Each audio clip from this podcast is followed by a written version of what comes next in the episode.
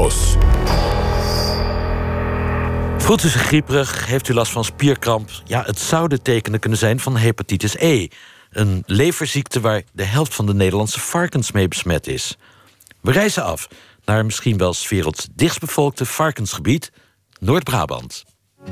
Ons platteland, ons land van zand.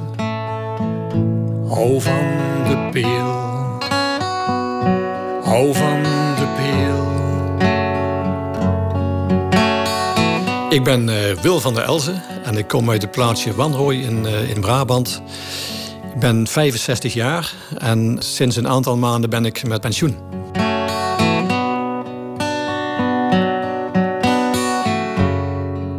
Ik was eigenlijk altijd in een belakende conditie. En ik voelde me de laatste tijd wat minder. Minder conditie. Ik deed aan hardlopen, aan wielrennen. En, maar de laatste maand kwam ik eigenlijk moeilijk vooruit. Eigenlijk. Ik voelde dat mijn conditie gewoon achteruit ging. In de laatste weken van december toen kreeg ik nog klachten bij. Ik kreeg zuuraanvallen, maagzuuraanvallen. En eh, ik voelde me gewoon niet goed. En ben toen naar de huisarts gegaan met, met, met de klachten. Op dat moment zei de huisarts van... nou, dan gaan we er wat aan doen. We hebben hele goede maagzuurremmers. En daarmee moet binnen een aantal dagen moet dat probleem opgelost zijn. Nou, dat heb ik gedaan. Dat was inderdaad zo. Na een paar dagen, toen leek het wel een heel stuk beter. Ik ben op dat moment had ik ook een reisje in de planning naar een dochter van mij in, die woont in Ierland. Daar zijn wij toen naartoe gegaan, omdat ik me eigenlijk toch beter voelde. Maar onderweg ging het eigenlijk helemaal fout. Uh, moesten we nog een, drie uur in de bus zitten. Nou, dat was echt een hel voor mij. Ik kreeg buikkrampen.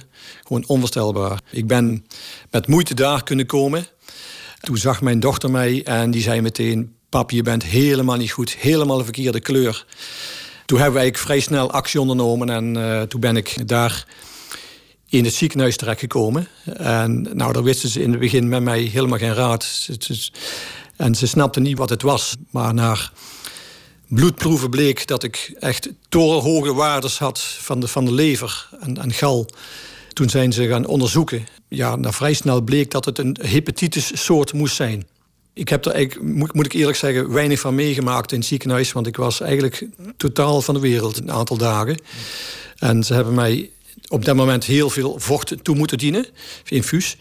Waardoor ik me langzaam weer toch een beetje, een beetje beter voelde. Na een dag of vijf, toen, toen zeiden ze van... oké, we geven je toestemming om weer naar Nederland terug te gaan. Uh, we weten nog niet precies wat het is... maar waarschijnlijk is het een hepatitis. En wat voor soort konden ze op dat moment nog niet zeggen. Onderweg naar huis toe kreeg ik toch weer opnieuw problemen... met verkrampingen in mijn benen vooral. En dat was, dat was heel heftig. Maar goed, we zijn toch thuisgekomen. Mijn vrouw heeft, ik denk twee of drie keer s'nachts de huisartsenpost gebeld van hij houdt het gewoon niet meer uit. Hij ligt hier eh, in bed rechtop en, en hij houdt het gewoon niet meer uit. toen heb ik morfinetabletjes gehad en wat andere sterke pijnstillers. Maar dat hielp helemaal niet. Maar gelukkig ging dat na een, een, een, een week ging dat over. Toen werd, toen, toen werd het wat beter. Toen ik een aantal dagen thuis was, toen kwam het bericht vanuit Ierland dat het uh, definitief een hepatitis E was. Daar konden ze hier natuurlijk in Nederland ook verder mee.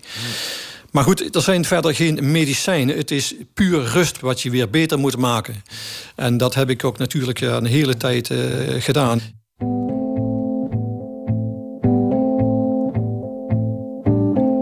Ik ben Rob de Man, ik ben hoogleraar leverziekte hepatologie in het Erasmus MC in Rotterdam. Maagdarm-leverarts Rob de Man ziet vaker patiënten met hepatitis E. Dat virus dat nestelt zich en het gaat niet meer weg... omdat het lichaam zelf niet in staat is om het als het ware buiten de deur te zetten. Dus die ziekte geeft zowel een acute als een chronische infectie. Het gevolg van de chronische infectie is dat de lever beschadigd raakt. Dus het is geen onschuldig virus als je bij die groep hoort die ziek wordt. De meerderheid wordt niet ziek als je het numeriek bekijkt. Maar als het jou treft, dan ben je wel behoorlijk te klos. De variant van hepatitis E die in Nederland bij mensen voorkomt, komt volgens deskundigen van onze varkens. Maar hoe het precies van het varken bij de mens komt, dat weten we niet. Weten we dan wel hoeveel mensen besmet raken? In het Erasmus MC hebben ze dat heel goed bijgehouden. In de afgelopen vijf jaar waren het daar zo'n 200 patiënten. Nou, het zijn 200 patiënten die zo ziek waren dat ze in het ziekenhuis terechtkwamen met hun hepatitis E. Het is echt een ijsberg. Er zijn vele malen meer mensen die besmet worden met het hepatitis E-virus. Een deel merkt daar niks van. Een deel krijgt een hepatitis waarbij ze denken... goh, ik ben een beetje griepachtig, ik voel me niet helemaal lekker. Dat duurt een paar weken en dan is de griep kennelijk over. Die weten het misschien niet eens. En het, groepje waar ik het over heb... zijn de mensen die het ziekenhuis inkomen... en dus het ernstigste ziek zijn. En hoeveel van uw patiënten zijn ook overleden aan die hepatitis E-besmetting? Ja, wij, wij zien in dit ziekenhuis zeg maar, ieder jaar één tot twee patiënten die overleden aan een hepatitis E-infectie. En vanuit doktersperspectief zijn dat er natuurlijk twee te veel.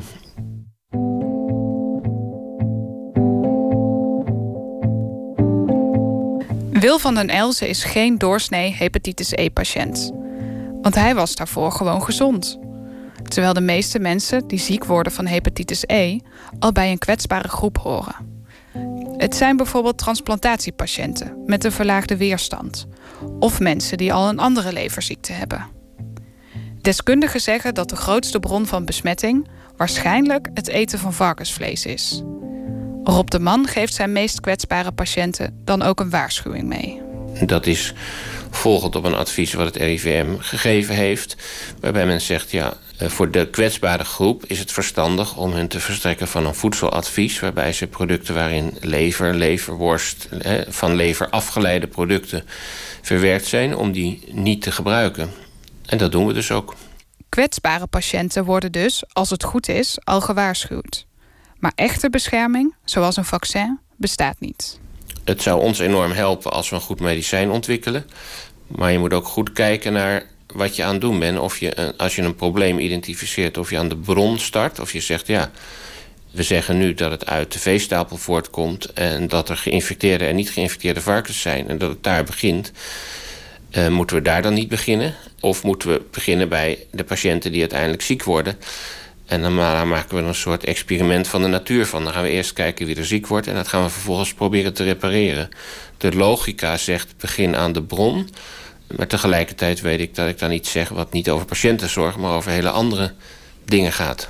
De meest ernstige patiënten komen bij u terecht, die daar daadwerkelijk ernstig ziek van worden of er eventueel zelfs aan overlijden. Maar dat lijkt een relatief kleine groep te zijn als je kijkt naar de gehele bevolking. Is het belangrijk genoeg volgens u om hier meer over te weten te komen of meer tegen te doen? Als u kijkt naar de grotere belangen dan alleen de belangen van uw individuele patiënten? Ja, wat zou u antwoorden op die vraag als uw partner morgen bij mij opgenomen wordt? Daar gaat het natuurlijk om.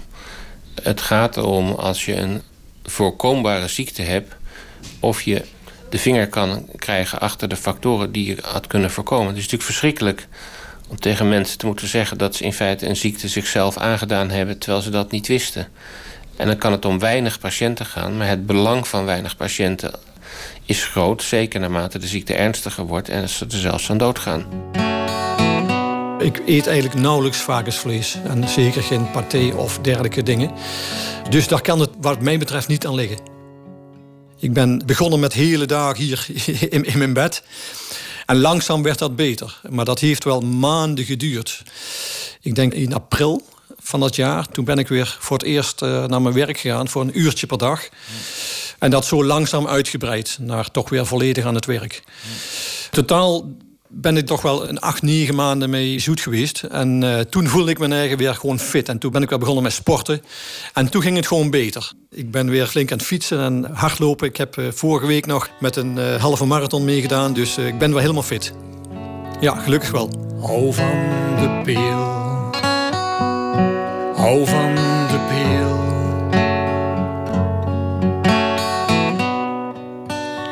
Tja, door de BSE-crisis van de jaren 90 werd het rundervlees verdacht door de Q-koorts de geit. En nu valt de verdenking dus op het varken. Wil van der Elsen, die u hoorde, is gelukkig weer helemaal de oude. Hij is met pensioen. Hij werkte niet in een varkenshouderij of iets dergelijks. Voor het geval u dat misschien dacht. Goedemiddag, professor Hans Saaier. Goedemiddag. U bent uh, viroloog bij het uh, eh, AMC in Amsterdam, maar ook hoofd van de afdeling bloedoverdraagbare ziekten van de bloedbank Sanquin. Is hepatitis E een probleem voor u? Ja, dat is een, uh, het grootste probleem dat hepatitis E vormt... is voor mij als uh, microbioloog van de bloedtransfusiedienst.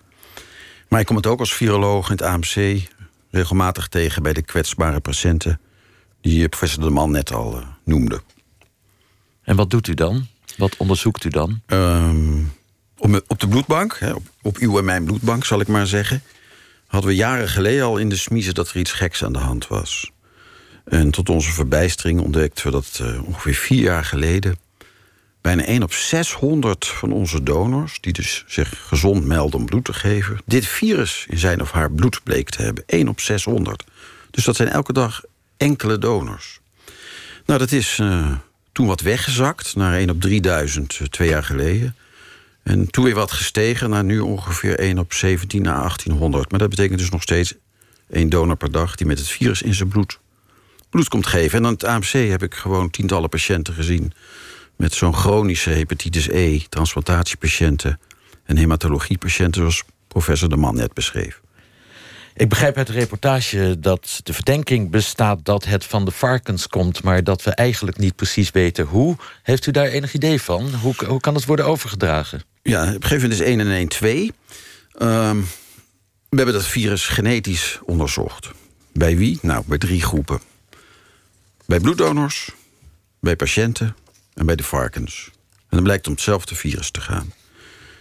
Overigens, u zei net dat ongeveer de helft van de varkens die infectie doormaakt. De nieuwste gegevens laten zien dat dat wellicht alle varkens gewoon zijn. Alle 10 tot 15 miljoen varkens die we per jaar in Nederland produceren, maken dat virus door. In het slachthuis blijkt ongeveer 1 op de 10 levers het virus gewoon te bevatten. Waarom? Nou, omdat het varken geslacht wordt ten tijde dat hij het virus in zijn bloed heeft. Dus dan is er een reusachtige hoeveelheid virus in rauwe materialen aanwezig. Nou, en dan het volgende stapje is, maar we eten toch nooit rauw varkensvlees. Nee. Nou, dat blijkt enorm tegen te vallen. Oh. Dat wist ik ook niet.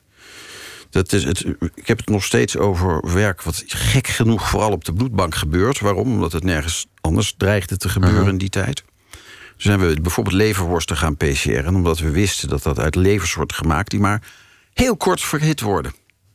Als dat te lang verhit, dan wordt leverworst heel vies... dan wordt het een slijmerige troep. En ik weet niet of je wel eens een plakje leverworst eet, ik wel. Maar dat Nou, moet- nooit heel erg verhitte leverworst. maar het moet, het moet zo'n beetje zanderig zijn. Hè? Nou, dat is dus halve je rauwe het lever. dus in de, in, de, in de buurt van rauw Ja, varkensvlees 80% van de leverworst, daar vonden wij het genetisch materiaal van dat varken, van varkens hepatitis E-virus in terug. Vindt u het En een ook echt gevaar voor de volksgezondheid, dit? Eh, niet voor de gewone Nederlander, maar wel voor de kwetsbare patiënt.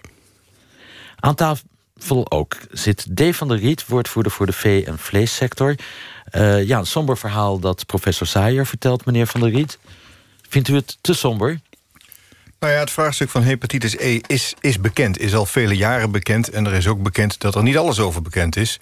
En ik ben ook wel heel blij met dat eh, het perspectief geschetst wordt... zowel door professor De Man als eh, professor Zaaier... dat lang niet alle Nederlanders ziek worden en dat het Maar ja, ernstig, goed, ernstig genoeg is. Dus wel, hè? ik, ik voel de interventie aankomen. Ja. Eh, een hele grote groep gezonde mensen wordt er niet ziek van. Een hele kleine groep wel kwetsbare wordt er heel ziek van. Ja, dat is het ernstig perspectief. genoeg natuurlijk, meneer van der Riet. Dat is ernstig genoeg, maar ik schets dat perspectief wel. Een hele grote groep niet. Dus laten we het niet groter maken dan het is... maar ook niet kleiner maken dan het is. We moeten het vraagstuk serieus nemen. Eh, daar waar nieuwe kennis nodig is en nieuwe ontwikkelingen... moeten die op de voet gaan volgen. Eh, maar we moeten het ook in het perspectief schetsen... dat de meeste gezonde mensen er niet ziek van zullen worden. En ook, wat gelukkig al eh, één, twee keer gezegd is... veruit de meeste mensen eten geen rauw varkensvlees. Bijna alle varkensvleesproducten worden verhit... Dus dat isoleert wel een hele grote groep eh, producten van dit vraagstuk. Nou ja, behalve die eh, leverworst waar professor Saaier het over heeft. Want die is helemaal niet lekker als je hem verhit. En ik heb me laten vertellen dat filet américain in een vijfde van de gevallen ook varkensvlees Ga nog even door. Wat, waar, waar moet ik nog meer ja, voor ik wil uitkijken ook bij nog de de- slager? Ja, ik wil ook nog de aandacht vestigen op een prachtig rapport van onze eigen Nederlandse Voedsel- en Warenautoriteit. Als je die eh, 10 miljoen varkens per jaar slacht, dan hou je natuurlijk een reusachtig hoeveelheid bloed over. En dat is zonde om dat weg te gooien. Dus dat bloed, daar worden alle eiwitten uitgewonnen. Een grote berg witte eiwitkorrels en een grote berg rode eiwitkorrels. En het is klip en klaar dat bij het productieproces van dat, eh, van dat enorme hoeveelheid eiwitkorrelmateriaal het virus onvoldoende geïnactiveerd werd. En zo vond onze eigen NVWA in 33 van 36 partijen van die niet verhitte vloeibare eiwitproducten het virus terug. En in 7, het- 7 van 24 batches van het eh, zogenaamd verhitte, van het verhitte materiaal, niet zogenaamd. Dus en waar gebruiken we die eiwitkorrels voor? Nou. Ja, dat is een interessante vraag. Het kan Nou. dus gecamoufleerd in veel meer voedselproducten aanwezig zijn dan alleen maar de beroemde paté en leverworst.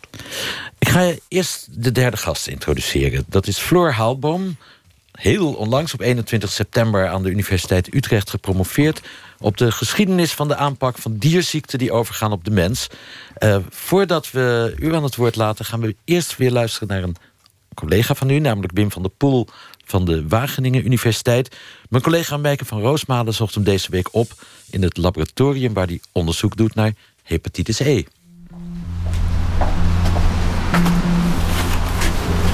Um, we staan hier voor een deur, algemeen laboratorium. Ja. Dit is het Algemeen Virologie uh, Lab. Uh, hier wordt voornamelijk uh, het kweekwerk gedaan naar, voor verschillende virussen. Zouden we binnen even kunnen kijken wat jullie hier allemaal doen? Ja, Ik ben in Lelystad, op het Virologisch Laboratorium van Wageningen Bioveterinary Research. Ze doen hier onder andere onderzoek naar hepatitis E. Viroloog Wim van der Poel en zijn assistentonderzoeker Renate Hakse leiden me rond. Even handschoenen. Het is een splinternieuw gebouw. Het karton van de verhuisdozen ligt er nog, zodat de nieuwe vloer niet beschadigd raakt. We lopen een kleine ruimte in die lijkt op mijn oude scheikundelokaal. Tegen de wand een langgerekt bureau met daarop een aantal microscopen. Rechts achterin staan twee grote kasten. Dat zijn kweekkasten.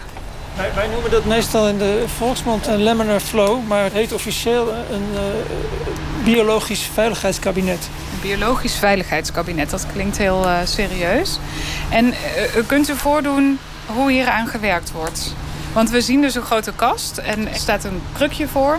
Dus je kunt eraan gaan zitten en dan kun je je handen onder een soort glazen plaat door steken. Maar daarvoor zit een rooster en dat horen we ook. Er wordt dus lucht rondgeblazen. Waarom is dat? Nou, dat is eigenlijk de laminar flow. Dus er zit eigenlijk een gordijn van een luchtstroom voor. Waardoor materiaal van in de kast niet naar buiten kan. En kleine deeltjes van buiten de kast niet naar binnen kunnen. En dat betekent dat je daardoor voor degene die ermee werkt een veiligheid creëert. Hè. Dat kan er niet uit. En ook voor de omgeving dat het infectieuze materiaal niet uit de kast gaat.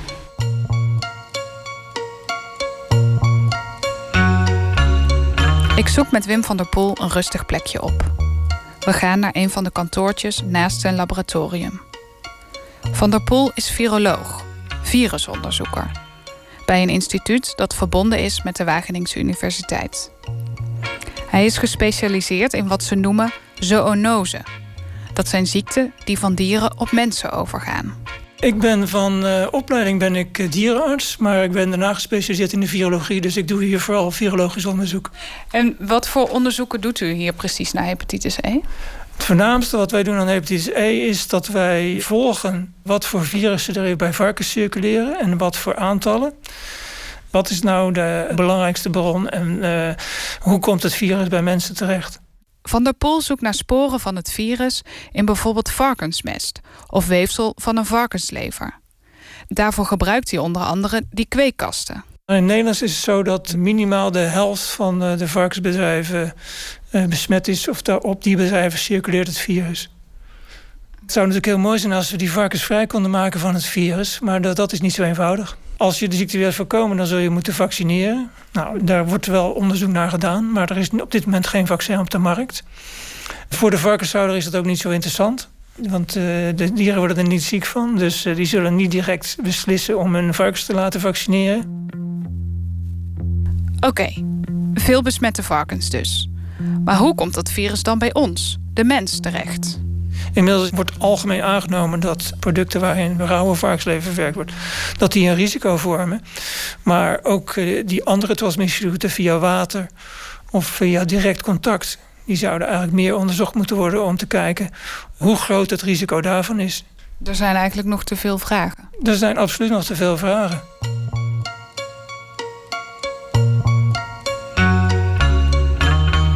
In 80% van de leverworsten blijken deeltjes van het hepatitis E-virus te zitten. Dat bleek vorig jaar al uit onderzoek van de Nederlandse Voedsel- en Warenautoriteit en Bloedbank Sanquin. Hoe gevaarlijk is dat? Ja, nu blijft de vraag een beetje boven de markt hangen van... we weten dat het virus in dat product aanwezig is... of deeltjes van dat virus in die producten aanwezig zijn... maar we weten niet of dat tot infecties leidt, of dat werkelijk infectieus is. Volgens Van der Poel moet er een speciale test komen... waarmee je kunt kijken of die gevonden hepatitis E-deeltjes ook echt iemand ziek kunnen maken. Dat kunnen we met de huidige test niet zien. Het virus zit dus in onze voedselketen, maar we weten niet hoe schadelijk het precies is. Veel mensen hebben het virus in zich, maar weinig mensen worden er ook echt ziek van. En dat zou zomaar kunnen veranderen. Want virussen muteren altijd. Ze veranderen constant. En het zou daarom ook ineens een gevaarlijker virus kunnen worden. In feite is eh, het belangrijkste, en dat doen wij al, dat we volgen in de populatie, in de varkenspopulatie, van uh, welke veranderingen treden nou op. Is er een extra dreiging, ja of nee? Maar of het probleem, uh, uh, zeg maar welke omvang dat krijgt, dat is, dat is koffiedik kijken. Volgens een recent Europees onderzoek zorgen varkens in veel meer landen voor hepatitis E-besmettingen. Nederland is samen met Frankrijk en Duitsland de koploper. De conclusie is eigenlijk van dat stuk dat met name in West-Europa, al die landen, dat er duidelijke besmettingen zijn. Dat in het ene land er een duidelijke stijging is, in het andere land wat minder. Maar het is eigenlijk een probleem in heel West-Europa. In heel West-Europa komt het virus voor bij varkens en bij mensen. En uh, dat vinden zij een alarmerende waarneming.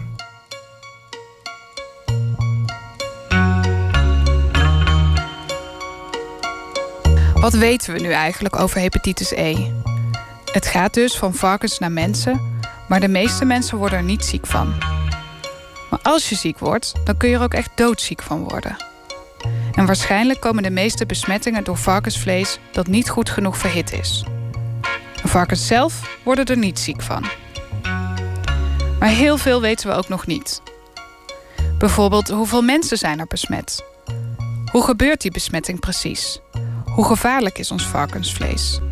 En wat moeten we doen als het virus zich verder ontwikkelt en meer mensen ziek maakt?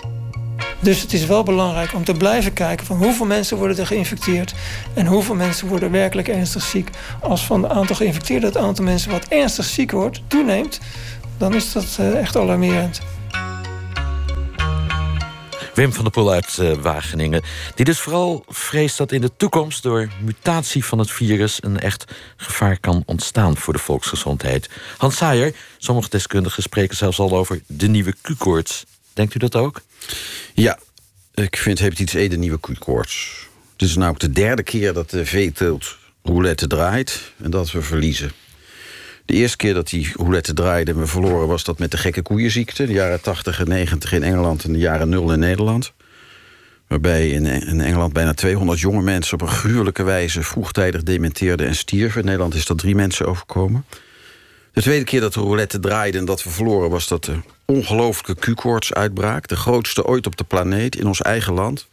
Met drie jaar achter elkaar uitbraken waarbij niets gebeurde. Pas het vierde jaar gebeurde er eindelijk wat...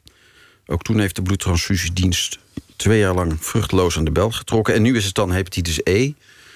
Eigenlijk zonder dat we het door hadden, ligt er op de borden van de consumenten een, een, een dierenvirus, wat dan, als je dat cynisch wil zeggen, gelukkig alleen maar voor bepaalde patiëntengroepen gevaarlijk is. Maar het ligt er wel. Mevrouw Haalboom, dokter Haalboom eigenlijk sinds kort. Nu kom ik bij u, want uh, de aanleiding voor uw promotieonderzoek was die Q-koorts die uh, ons land tussen 2007 en uh, 2010 teisterde. Uh, waarom heeft u zich daarop gestort? Eh, ik heb met de Q-koorts als aanleiding me onderzoek gedaan naar hoe in Nederland is omgegaan met dit soort ziekten. En dan met name de domeinen landbouw en volksgezondheid. Um, ja, eigenlijk met de bedoeling om die Q-koorts in een wat langer historisch perspectief te plaatsen. En daarmee wellicht uh, beter te begrijpen wat daar is gebeurd. Want dan kom je op de eeuwige concurrentie tussen het ministerie van Landbouw en het ministerie van Volksgezondheid. Ja, dat is een van de belangrijke thema's in mijn boek. En uh, ik kan, een van mijn belangrijkste conclusies is dat in die uh, continue discussie eigenlijk het landbouwdomein, dat is niet alleen het ministerie, maar ook de georganiseerde landbouwsector uh, de grootste rol had in het, in het inrichten van het beleid rondom dit soort ziektes. En het volksgezondheidsdomein had dan met name secundaire verantwoordelijkheid, zoals ik dat noem in mijn boek. Uh, dat betekent voor, verantwoordelijkheid voor de voedselveiligheid. Um, ja, we hoorden dokter De Man net al spreken over die bron van zo'n ziekte, de varkens dan in dit geval bij de hepatitis E. En dat, dat hij zei, daar komen andere afwegingen, spelen daar ook een rol bij. Als we daar iets aan willen doen, vanuit het volksgezondheidsdomein geredeneerd. Nou, dat is inderdaad een discussie die gedurende de 20e eeuw continu speelt. Van wat heeft, wie heeft wat te zeggen over die levende dieren? En dat is dan met name dat landbouwdomein. En landbouw wint het meestal als je het historisch bekijkt in, van volksgezondheid. In de 20e eeuw, ja. Ja, het speelde laatst met die eieren ook weer, hè? Wie daar verantwoordelijk voor was. Ja, Landbouw of uh, volksgezondheid. Ja. Hoe komt het, het is misschien een beetje vragen naar de bekende weg wat ik nu doe... maar hoe komt het dat die economische belangen steeds prevaleren? Heeft u dat ook onderzocht? Ja, ik, ik moest daar natuurlijk ook uh, verklaringen voor vinden in mijn boek. Want ik, ik wijs dus eigenlijk op een hele sterke continue uh, continuïteit in de geschiedenis. Terwijl er natuurlijk ook heel veel dingen veranderden in die 20e eeuw. Waaronder bijvoorbeeld dat volksgezondheid steeds belangrijker is geworden in het maatschappelijk debat, maar ook in de politiek en het idee dat, dat de overheid verantwoordelijk is voor die volksgezondheid. Dus ik moest ook met verklaringen komen waarom dit zo gebeurde. Um, nou, een hele belangrijke verklaring is Nederland als handelsland. Dus de hele, het echte grote belang van export voor uh, de Nederlandse economie. Uh, de grote landbouwsector natuurlijk, die zeker uh, ja, in de tweede helft van de 20e eeuw ook een zeer sterke rol had in het ontwikkelen van beleid op landbouwgebied. En ook in het volksgezondheidsdomein, zeker als we kijken naar de laatste decennia van de 20e eeuw. Um, daar zie je dat uh, als het gaat over de gekke koeienziekte, dat is de ziekte die ik bestudeerd heb, dat dat volksgezondheidsdomein eigenlijk daar die hele discussie over wie gaat er nou over die levende dieren, het bestrijden van BSE in levende dieren, eigenlijk laat liggen. Dus dat die, die verantwoordelijkheid wordt ook heel erg gelaten bij dat landbouwdomein in dat geval. Bij gekke koeienziekte is dat niet zo'n probleem, omdat de exportbelangen en de volksgezondheidsbelangen daarbij uh, samenvielen in het geval van Nederland. Ja. Dave van der Riet, als je naar die vorige crisis uh, kijkt, uh, heeft die landbouwlobby dan toch niet te veel invloed gehad in plaats van de volksgezondheidsbelangen? Nou ja, mijn buurvrouw heeft dat uh, onderzocht of dat, of dat het geval is. Uh, dus daar is, is gedegen naar gekeken. En het is altijd een hele gevoelige balans. Omdat als het naar de ene kant doorslaat... dan roept de ene partij moord en brand... en als de andere kant doorslaat of het besluitvorming valt... dan is de andere partij in last. Het is altijd een hele zorgvuldige belang. Uh, en ik heb altijd geleerd dat als je beleid gaat maken... dan moet je een hele goede afweging maken... tussen effectiviteit en proportionaliteit. Dus de maatregelen die je gaat nemen... zijn die effectief en zijn die proportioneel in wat je doet. En als een vraagstuk dusdanig gewogen wordt dat er niet heel veel extra maatregelen nodig zouden zijn, dan is dat een balans. Maar als die voor de ene partij gunstig uitvalt, dan roept de andere partij: uh, het is altijd het volksgezondheidsbelang dat het onderspit delft. En andersom ook. Want ik kan u vertellen dat in het bedrijfsleven heel vaak het gevoel is dat allerlei belangen spelen, behalve die van het economische. Uh, dus het is net welk, welke kant uh, je, je laat voeden. Daar vinden ze juist dat er te veel naar de volksgezondheid wordt gekeken. Nee, want er zal niet snel iemand in die agrofoodwereld zeggen... dat volksgezondheid geen issue is. Want iets is een crisis. U uh, appelleert aan crisis. En daar heb ik al een aantal van meegemaakt. Iets is een crisis als de volksgezondheid in het geding is. En heel veel andere incidenten krijgen nooit het proportie van een crisis. Het, het, aspect van volksgezondheid is daarin onderscheidend. Dus we weten heel goed waar we het over hebben. We zijn voedingsmiddelenproducenten... en we zijn ons zeer bewust van de, de kwesties als voedselveiligheid en volksgezondheid. Anders gezegd, producenten kunnen geen producten op de markt brengen die niet veilig dan wel ja. heel ongezond zouden maar zijn. Maar gewoon even bestuurskundig gezien... Uh, komt in het uh, proefschrift aan de orde van mevrouw Haalboom... dat landbouw uiteindelijk, economische zaken... maakt het nu onderdeel uit van trouwens in ja, het kabinet... Uh, uiteindelijk de doorzettingsmacht heeft. En volksgezondheid een soort van afgeleide verantwoordelijkheid. Ja, maar als het echt een hele grote crisis is... dan zal het ook het kabinet ingaan. En daar heb je dan verschillende ministeries... die elkaar indringend zullen gaan aankijken... welk belang dan gaat prevaleren. En dan krijg je daar ook de clash, noem ik het maar. Maar dat moet een, goede discussie zijn... tussen een minister van Volksgezondheid... en minister van Economische Zaken. En daar zal dan die belangenafweging plaats moeten vinden... Is, is de stap die we dan zetten als kabinet of als, als agentschappen die dat uitvoeren... is die effectief en proportioneel bij wat we doen? Uh, en dat, uh, dat vindt openbaar plaats zeg maar, in een kabinetsfeer... en dan kan een Kamer controleren. Maar dat zijn zorgvuldige afwegingen. Uh, we snappen dat aan de ene kant uh, groepen roepen... ja, die volksgezondheid is altijd in het geding. Maar aan de andere kant zegt, zegt het bedrijfsleven... er wordt te pas en te onpas worden al risico's gesignaleerd... en al maatregelen genomen... zonder dat we precies weten waar we het over hebben. Vindt u dat de overheid toen op die Q-koortscrisis... van nu zo'n tien jaar geleden goed heeft gereageerd? Nou ja, daar is volgens mij ook heel veel onderzoek naar gedaan... en heel veel commissies ingesteld die dat uit en te na hebben onderzocht. Die heb ik niet allemaal gelezen. Ik heb wel het idee dat er uh, geoordeeld is met wijsheid achteraf. Uh, op het moment dat er maatregelen genomen werden... is die balans waarschijnlijk niet helemaal uh, goed geweest. En met de kennis die in de jaren daarna ontwikkeld is... is een andere afweging gemaakt. Maar daar zijn volgens mij heel veel onderzoeken naar gedaan. Ik zie meneer Zaaier de vinger al opsteken, dus die hoor ik graag. En als mevrouw Haalboom in haar proefschrift schrijft van... eigenlijk zou het ministerie van Volksgezondheid... een veel grotere macht moeten krijgen... bent u het daarmee eens of niet mee eens? Het, het blijft altijd een afweging. Oh, de vraag was aan mevrouw, uh, mijn buurvrouw. Nee hoor, het, oh, het blijft altijd een afweging. Zijn maatregelen die we voornemend zijn te doen... zijn die effectief en proportioneel? is dat wat we gaan doen, is dat het meest verstandige wat we doen... Uh, gezien ook de economische belangen. En er zijn in Nederland natuurlijk ook wel onderstromingen... Uh, in de politiek en bij NGO's die ieder economisch belang... per definitie secundair vinden. Maar er zijn ook hele grote groepen die die graag wel op tafel willen zien. Mevrouw Haalboom? Ja, ik, uh, als historica doe ik geen uitspraak over waar het zou moeten horen in mijn boek. Dat nee, wil zo heb ik het als gelezen. eerste zeggen. Maar wat, wat ik wel uh, kan aanstippen, of wat ik laat zien in mijn boek met mijn analyse, is dat uh, dat ook, ze, ook die voedselveiligheid, die dus in, in, het, in het grootste deel van de 20e eeuw bij volksgezondheid ondergebracht is. Juist in Nederland, in de laatste decennia van de 20e eeuw begon dat, maar ook daarna in 2003 is ondergebracht bij economische Waarom? zaken. Waarom heeft dat kabinet dat toen gedaan? Uh, de, ik heb daar geen specifiek onderzoek naar gedaan, dus dat durf ik niet ja, uh, te zeggen. Er wordt, ja, misschien wel. Daar waren, waren wij verbijsterd over toen dat gebeurde. Wat Ja, dat is, we hebben als dokters ook een brief geschreven dat we, dat we als enige beschaafde land. Uh, van wij van WC Eend adviseren WC Eend... dat wij de bewakingsfunctie daar onderbrengen. Dat hebben wij toen gesignaleerd. Meneer minister van toen heeft toen ja. dat toch doorgedreven. Dat is niet goed te verklaren. Nou, dat is in ieder geval opvallend... omdat het dus in omringende landen... Engeland met de BSE als aanleiding... de gekke koeiziekte... en ook in de EU is juist het tegenovergestelde gebeurd. Er is het juist ondergebracht bij volksgezondheidsautoriteiten. Ik wil er nog iets aan toevoegen. We hebben natuurlijk vrij veel discussies afgelopen tien jaar misschien wel... over de rol van de NVWA die soms door eh, VWS aangestuurd is geweest... en soms door EZ. Daar is eindeloos die, dezelfde discussie aan de gang. En wat wij vanuit het bedrijfsleven zeggen... laat die autoriteit nou alsjeblieft een autoriteit met een A hoofdletter A zijn... onafhankelijk, uh, wetenschappelijke risicoanalyses... laat ze doen wat, wat gedaan moet worden... zonder dat ze bang zijn dat uh, bij ieder akkefietje... De minister weer naar de Kamer moet. Er moet een autoriteit zijn die onafhankelijk die kan opereren... met deskundigheid, nou, met wetenschappelijke adviezen... goede risicoanalyses en dan doen wat nodig ja. is... waar niemand meer discussie over kan hebben... omdat ze die autoriteit met die hoofdletter A zijn. Ja. Mevrouw Haalbom, bijvoorbeeld bij de Q-koorts... maar u mag ook een ander voorbeeld noemen... waaruit blijkt nou concreet dat die economische belangen... toen gedomineerd hebben boven de volksgezondheidsbelangen? Ja, ik noem dan even voorbeelden die ik daadwerkelijk onderzocht heb... want dat is dus bij de Q-koorts niet het geval.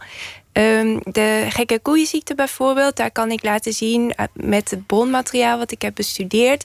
dat er inderdaad heel snel in Nederland maatregelen werden genomen... tegen de verspreiding van die ziekte. Uh, en dat die expliciet... Um, de reden daarvoor waren exportbelangen. Precies. En daarbij werd ook gezegd... Uh, dat het gevaarlijk is voor de volksgezondheid. Dat is helemaal niet uh, bewezen. Dat is ook helemaal niet waarschijnlijk, werd daar zelfs bij gezegd. Dus je ziet daarin dat heel erg die exportbelangen um, die maatregelen informeren. Uh, ja, nog een voorbeeld. Nou, graag. Uh, salmonella heb ik bestudeerd in de jaren 50 tot en met de jaren 70. Uh, daar probeert dat volksgezondheidsdomein, de volksgezondheidsdeskundigen met name, die proberen dus zeggenschap te krijgen over die levende dieren waar die uh, salmonella-besmettingen uitkomen. Uh, dat mislukt omdat het landbouwdomein daar heel erg tegen is. En dat organiseert zelf vrijwillige maatregelen. Professor Zaaier, uh, u bevestigde daarnet dat u uh, hepatitis E mogelijk nieuwe Q-koorts vindt. U, he u, heeft het ook wel eens over Russisch roulette gehad. Ja. Maar de laatste tien weken is iets vreemds aan de hand. Het aantal meldingen van hepatitis E daalt namelijk volgens cijfers van het RIVM. Ja, ik denk dat de ik zal het zo snel mogelijk doornemen, maar er zijn vier zaken belangrijk bij uw vraag. De eerste is heel simpelweg of dat wel klopt. Want vergeet niet, het RIVM doet voor een deel van de Nederlandse labs diagnostisch onderzoek, maar voor lang niet allemaal. Dus het zou toeval kunnen zijn. dus eerst beter kijken of het echt zo is. Maar misschien is het echt waar. Want twee, inderdaad, ook in het AMC... dan zet ik even mijn AMC-petje op, zet ik mijn bloedbankpetje ja, af. Even af. Ja. Ik heb de laatste half jaar ook geen nieuwe chronische patiënten... met hepatitis E gezien. Dus dat is bijzonder. Te meer, puntje drie, omdat het aantal besmette bloeddonors even hoog blijft. En inderdaad zien we bij die besmette bloeddonors... een andere afweerrespons tegen dat virus ontstaan. Dus misschien is het virus aan het muteren.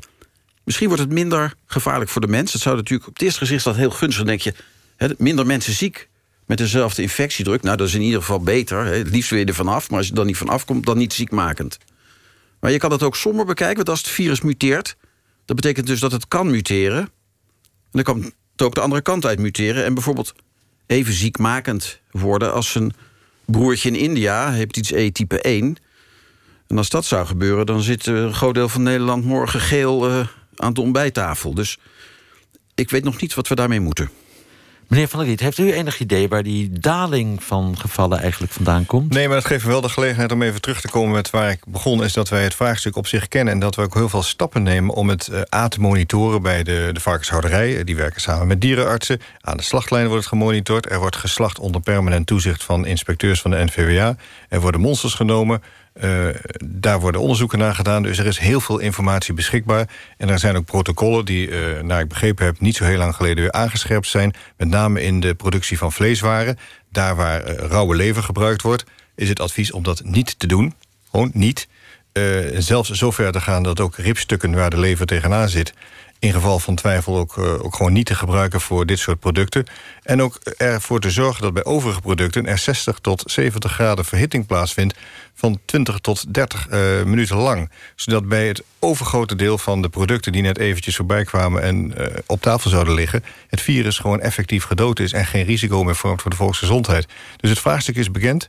Het wordt intensief gemonitord. Er vinden allerlei onderzoeken en, en analyses plaats. En er worden gewoon protocollen uitgevaardigd om de risico's zoveel mogelijk in te bannen... en, en vol, uh, veilige producten te kunnen garanderen. Er komen geen onveilige producten in die zin op de markt.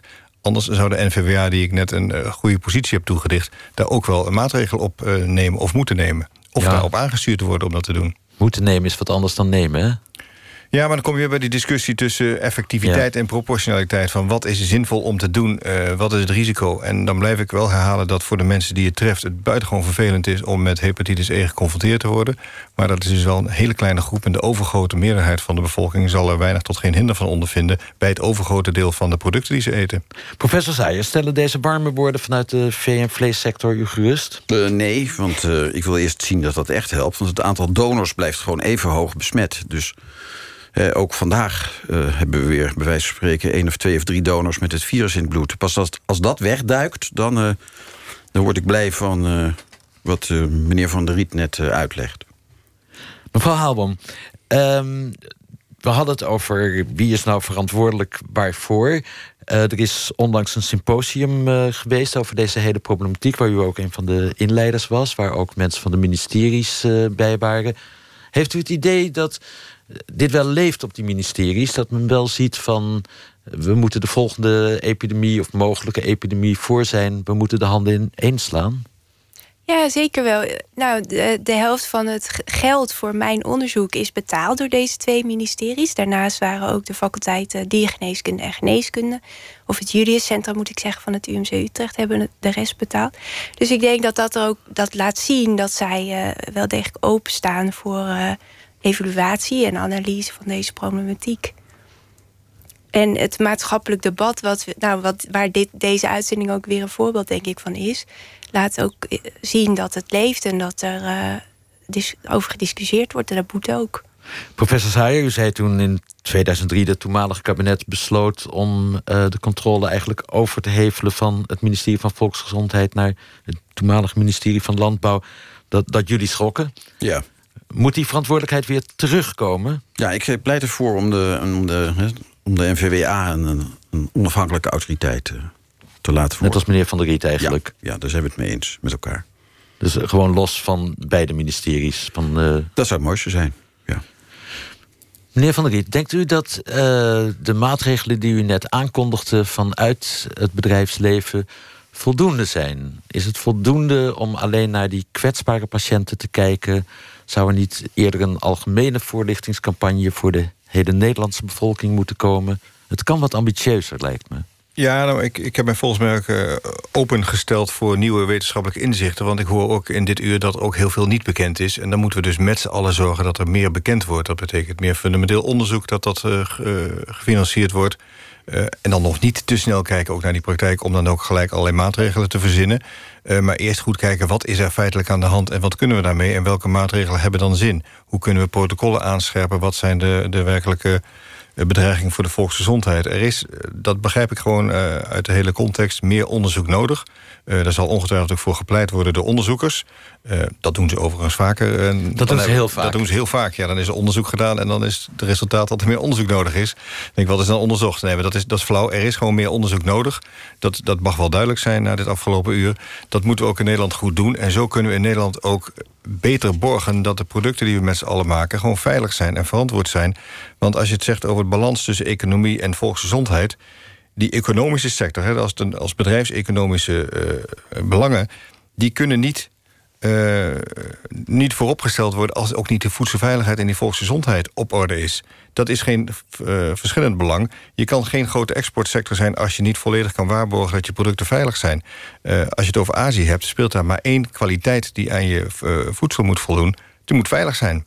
Dat is absoluut wat Aziaten als het allerbelangrijkste criterium stellen. Het moet veilig zijn. Dus daar moet je Nederland gewoon hartstikke uh, zorgvuldig mee omgaan... en zorgen dat je het kan garanderen.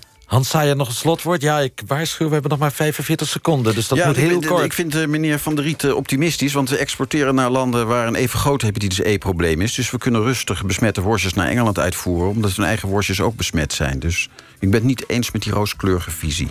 Mag ik jullie alle drie bedanken voor jullie komst. Professor Hans Saaier, Dave van der Riet en dokter Floor Halboom.